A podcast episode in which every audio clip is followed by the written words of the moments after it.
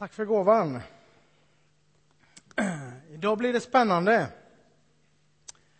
Dels för att jag har gått omkring och nyst de senaste dagarna, så vi får se om Micke är snabb på den där lilla tystknappen när jag nyser, eller om ni får liksom tinnitus efter det. Men dels också för att jag känner att jag har något viktigt att berätta och tala om. Eller kanske är det Gud som har något viktigt att tala om. Och vi ska börja med att läsa en text eh, som vi har gjort nu hela våren ifrån Markus evangeliet.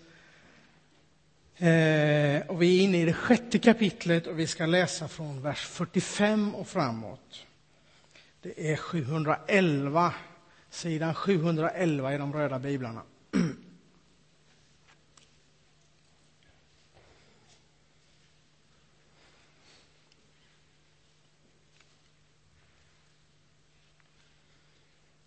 Vi läser. Sedan befallde Jesus sina lärjungar att stiga i båten och fara iväg över till Betsaida, medan han själv skickade hem folket. När han hade skilts från dem gick han upp på berget för att be. På kvällen var båten mitt ute på sjön och han var ensam kvar i land. Han såg hur de slet vid årorna därför att de hade motvind. Strax före gryningen kom han till dem gående på vattnet och han var på väg förbi dem. När de fick se honom gå på vattnet trodde de att det var en vålnad och de skrek. För alla såg de honom och blev förskräckta. Men han talade genast till dem och sa, lugn, det är jag, var inte rädda. Och han steg i båten till dem och vinden la sig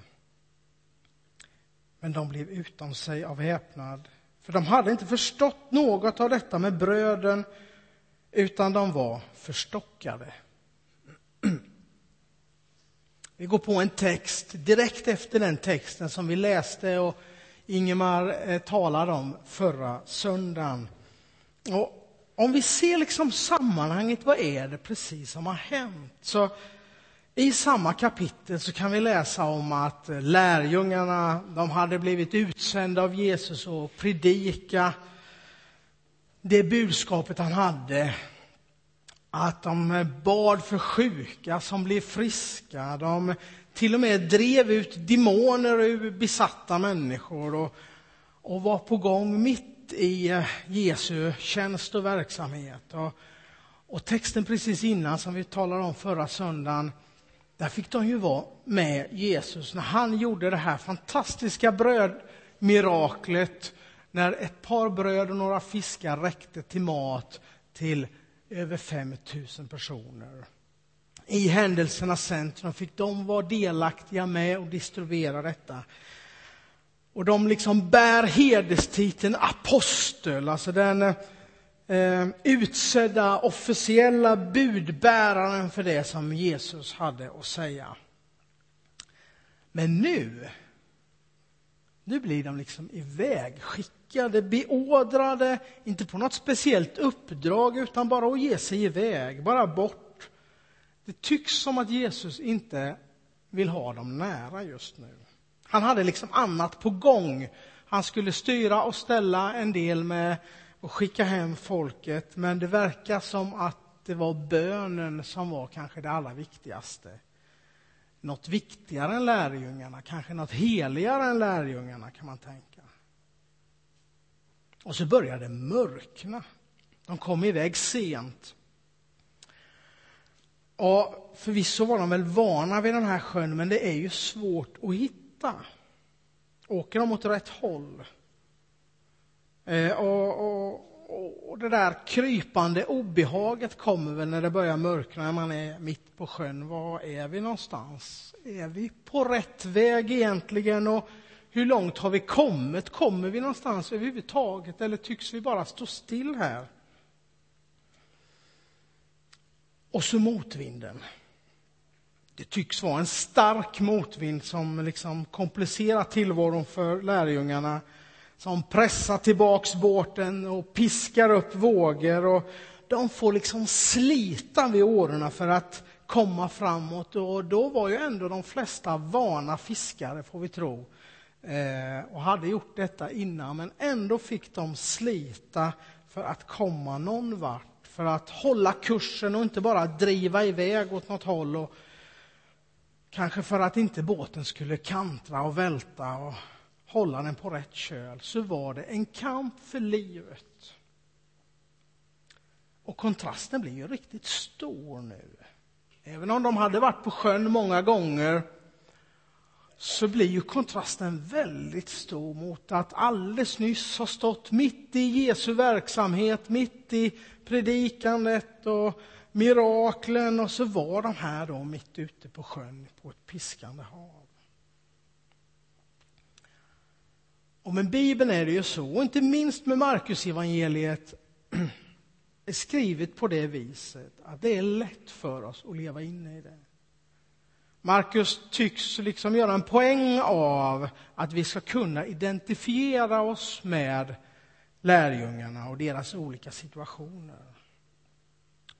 Och visst kan många av oss känna igen oss i det här. Att det är någon slags motvind ibland i livet. Att vi liksom sliter vid åren men tycks inte komma någon vart. Ibland är vardagen mer än lovligt trög. Känns det åtminstone för mig. Alltså brukar det vara så här slitigt att bara liksom ta sig igenom en vanlig dag? Det finns någon liksom motvind som bara pressar på och håller varje steg tillbaks. Och allt jag gör tycks liksom inte få några, eller väldigt, väldigt få goda konsekvenser. Ett steg framåt och två tillbaks hela tiden. Och då är det svårt att hålla kursen, och hålla fokus och veta vad är det som är viktigt i livet. Och det är lätt att misslyckas helt kanske. Och båten gungar betänkligt på det där livets hav när vågorna piskar. Omständigheterna runt mig känns ganska fientliga. Förväntningarna och kraven tonar upp sig som höga vågor omkring mig och, och tynger. Och relationerna kanske spårar ur och brister ibland. Och rätt som det är så drabbas vi av en sjukdom och hälsan vacklar. Och ibland så kraschlandar ekonomin och ja, ni vet hur det där havet kan se ut. Och alldeles nyss tycktes som att allt var frid och fröjd och jag stod mitt i Guds gärning nära hans hjärta. Och så sprider sig det där mörkret. Som får det, som gör det svårt att orientera i livet. Det är lätt att tappa liksom blickpunkten på den där andra stranden som jag är på väg emot. Vart var det jag var på väg? Vad var det som var viktigt? Hur reder jag ut de här situationerna just nu? Vad är det som händer? Hur prioriterar jag nu? Allting blir liksom suddigt där i det där piskande havet. Och då är det ju också lätt att tappa modet. Att den där tron på att allt reder ut sig i längden, den bleknar bort och hotet börjar på allvar komma inpå, och det känns inget roligt längre. Känner du igen dig? Och just då så känns det som att Jesus är någon helt annanstans. Långt, långt bort. På någon annan kulle. Alltså nyss var jag ju mitt i det han ville, mitt i det han gjorde. Jag kände mig använd av Gud, jag kände mig sänd av Gud. Det kändes som jag ständigt hörde hans röst och jag såg hur han verkade liksom omkring mig. Och det kanske till och med gick bra. Jag kanske såg att jag fick vara till välsignelse för andra människor, hjälpa andra, hur Gud verkligen gjorde skillnad. Men nu verkar han vara helt borta. Han tycks ha andra viktigare saker för sig och det kan man kanske förstå. Liksom eh, de drabbade i Haiti. Där behövs det mycket hjälp. Eller de svältande i Afrika tycks alltid finnas där eller förtryckta människor i diktaturer. Och visst finns det heligare människor som Jesus kan hjälpa än mig hjälparbetarna i katastrofområden och läkarna i svältområden och martyrerna som ger sitt liv för tron och demokratin runt om i världen. Där verkar Jesus vara, men inte här. Jag ser inte hans verkningar i mitt liv eller i de näras liv. Jag ser att miraklen uteblir, omständigheterna tycks inte förändras. Och det kanske värsta är att jag hör inte hans röst. Vi kanske ber, men det blir tyst. Vi lyssnar, men inget sägs. Eller är det bara det att den där stormen runt mig är så högljutt att jag inte hör vad som händer? Och mitt i detta säger texten tre saker. Mitt i detta säger Gud oss idag tre viktiga saker. För det första, Jesus såg lärjungarna. Alltså det var helt omöjligt för Jesus egentligen att se lärjungarna. Han var långt bort på en sjö som är åtminstone en mil bred, på ett berg och det mörknade. Det finns ingen möjlighet att se vad som händer ute på den där sjön. Men Jesus han såg, för honom är det omöjliga möjligt. Det finns inget hinder för det som han ser. Han uppfattar vad det är som händer. Han studerar situationen och han vet allt och han upplever det. Och för lärjungarna för en människa är det väl den optimala bekräftelsen av att vara en människa, att det finns någon som ser rakt in i mitt liv. Jesus, han kan vi läsa, han, han vet till och med vad vi tänker. Rakt in i själen på människor han möter ser han och vet vad som finns där inne. Med sin eh, empati så har han en förmåga att sätta sig in i vårt liv. Han har full koll på vad som händer med lärjungarna ute i den där båten. Hur deras situation är, vad hoten är och hur de känner sig. Och samme Jesus, samme Jesus finns här ibland oss idag.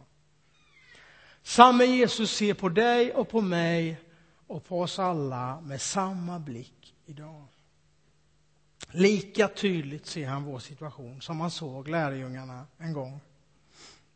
Trots att vi ju inte ser honom och kanske just nu inte lägger märke till honom, trots att han kanske känns väldigt långt bort, så når Jesu blick fram genom det mörkret. Trots att eh, min storm kanske globalt sett känns liten och privat, så intresserar han sig för den. Och med samma sympatiska eller empatiska blick och med samma ingivelse så ser han in i ditt och mitt liv. Och för det andra så kommer Jesus till oss idag på samma sätt. Alltså,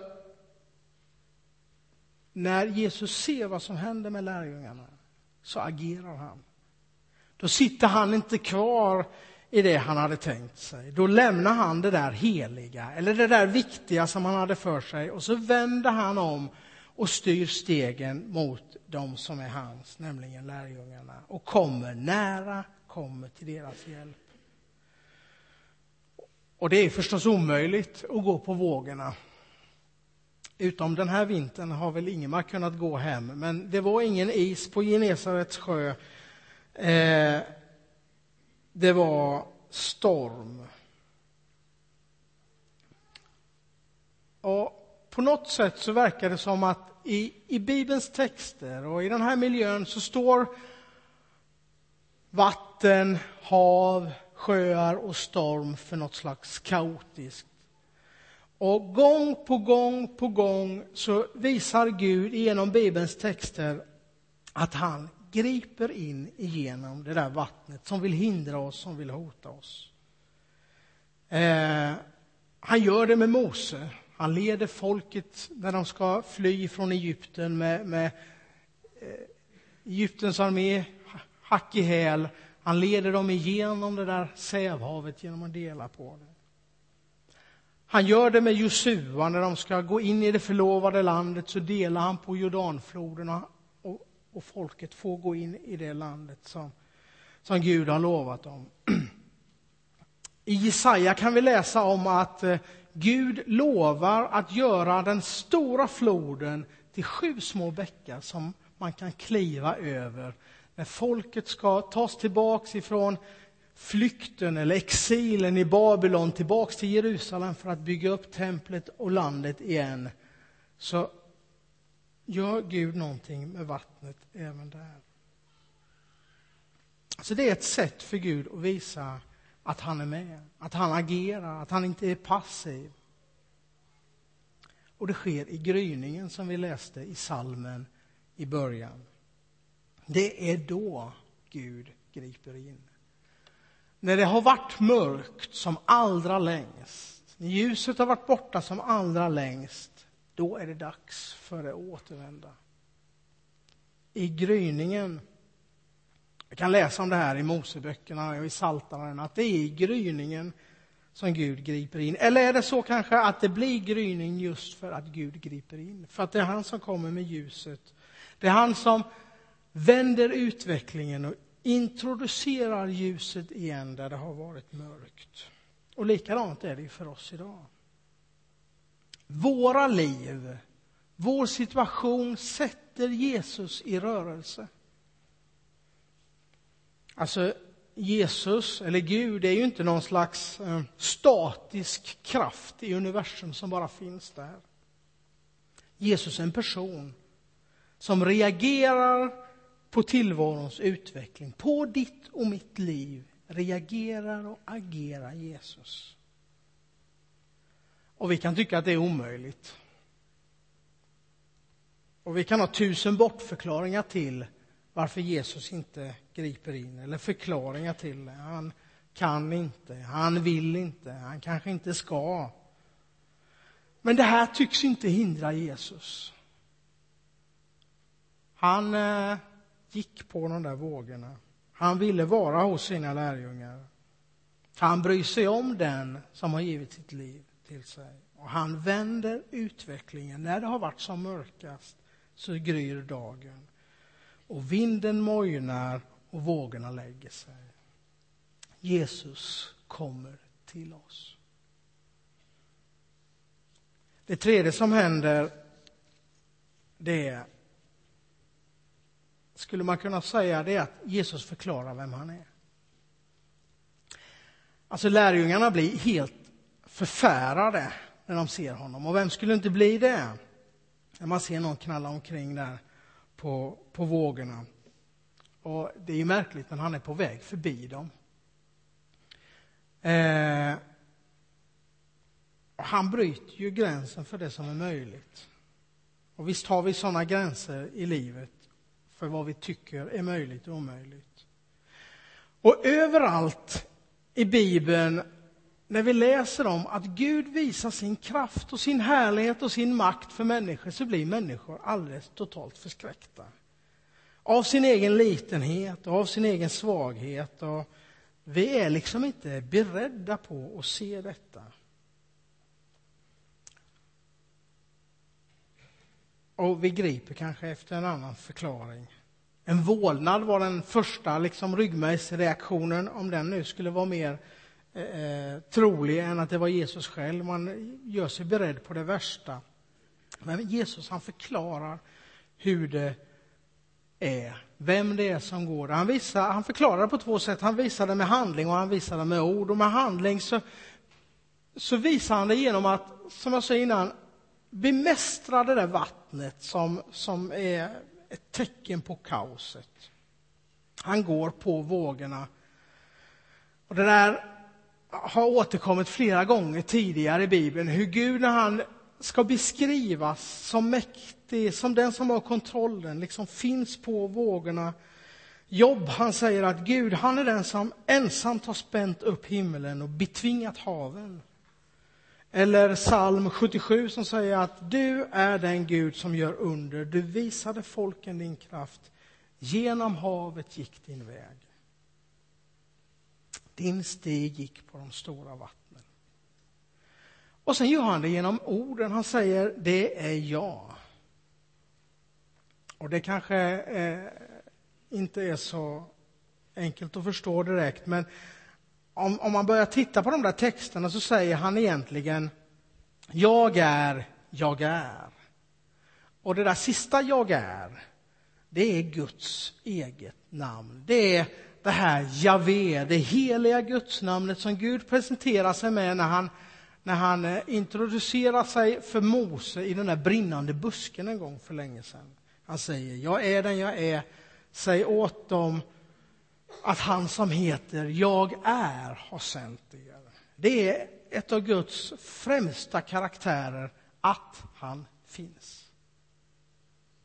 Det är samma uttryck som Jesus har om sig själv i rättegången senare när han ska dömas som en härdare. Så säger han, jag är, jag är. Han säger, jag är Gud. Jag är den allsmäktige skaparen. Jag är ljuset, sanningen och kärleken själv. Jag är konungars konung och herrars herre, alltings början, alltings slut, alltings måttstock. Och jag är här hos er. Och det betyder att då kan man vara lugn. Då behöver man inte vara rädd. Och då är det dags att eh, upp med hakan, var vid gott mod. Och, och det är samma uppmaningar runt om i Bibeln när Gud är på väg att bryta in och göra någonting i människors liv och i historien. Gud säger samma sak genom Mose, och Jesua, och Nehemja, och Jesaja och Jeremia och nu genom Jesus till lärjungarna och till dig och mig. Lugn, det är jag, var inte rädd.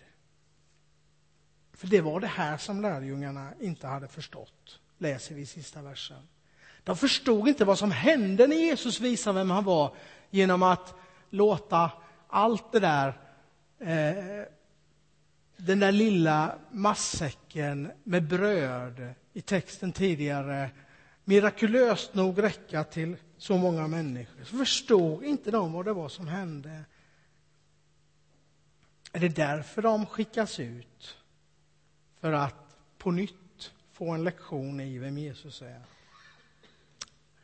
Ja, jag vet inte riktigt, men åtminstone verkar det vara en av Jesu tydligaste agender här.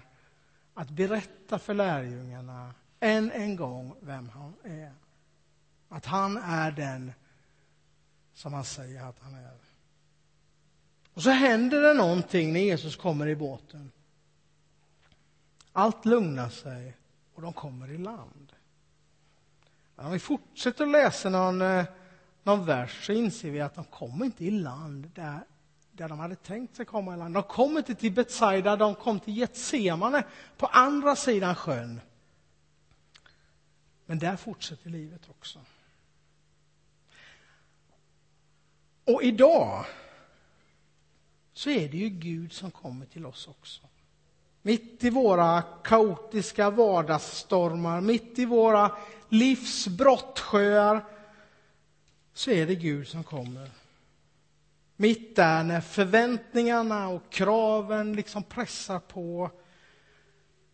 När relationerna brister och spricker, när hälsan vacklar eller ekonomin kraschlandar. Då överraskar han oss. Och vi kanske inte är beredda på det. Inte på det sättet åtminstone. Och vi känner kanske knappt igen honom när han knallar högst upp på en eh, vågtopp.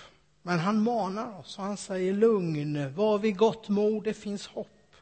Du är inte, du är inte övergiven. Jag är här. Jag är, är här. Jag är, jag är. Gud är här du är inte övergiven. Du var aldrig övergiven. Du var aldrig bortglömd. Gryningen är på gång. Mörkret får släppa. Och det vänder nu. Släpp in mig i båten så kommer stormen att lägga sig. Men det allra viktigaste, förstå att Jesus är Gud och här. Och han tar oss i land där han vill, Kanske inte på precis den där stranden dit vi hade liksom siktat från början. Det kanske blir Getsemana istället för Betsaida. Det kanske inte är rik och vacker och lycklig i världens ögon. Men det är rik och vacker och lycklig i Guds ögon. Det är den stranden han vill föra oss i land på. Amen. Tack Herre, att hur våra liv än ser ut, hur långt bort vi kan eh, känna att vi är från dig, så ser du rakt in i våra liv. Herre, det finns ingenting som vi varken behöver eller kan gömma för dig. Herre, du ser vår situation. Och Herre, tack att du eh, reagerar och agerar på hur vi har det. Att du rör dig och inte sitter still. Att du kommer när vi sliter vid åren, Herre. Och tack, Herre, att det är just du som kommer. Som har all makt och all kraft och som älskar oss över någonting annat, Herre. Och förmågan att göra förändring. Att stilla stormen och ta oss i land där livet går vidare. Amen.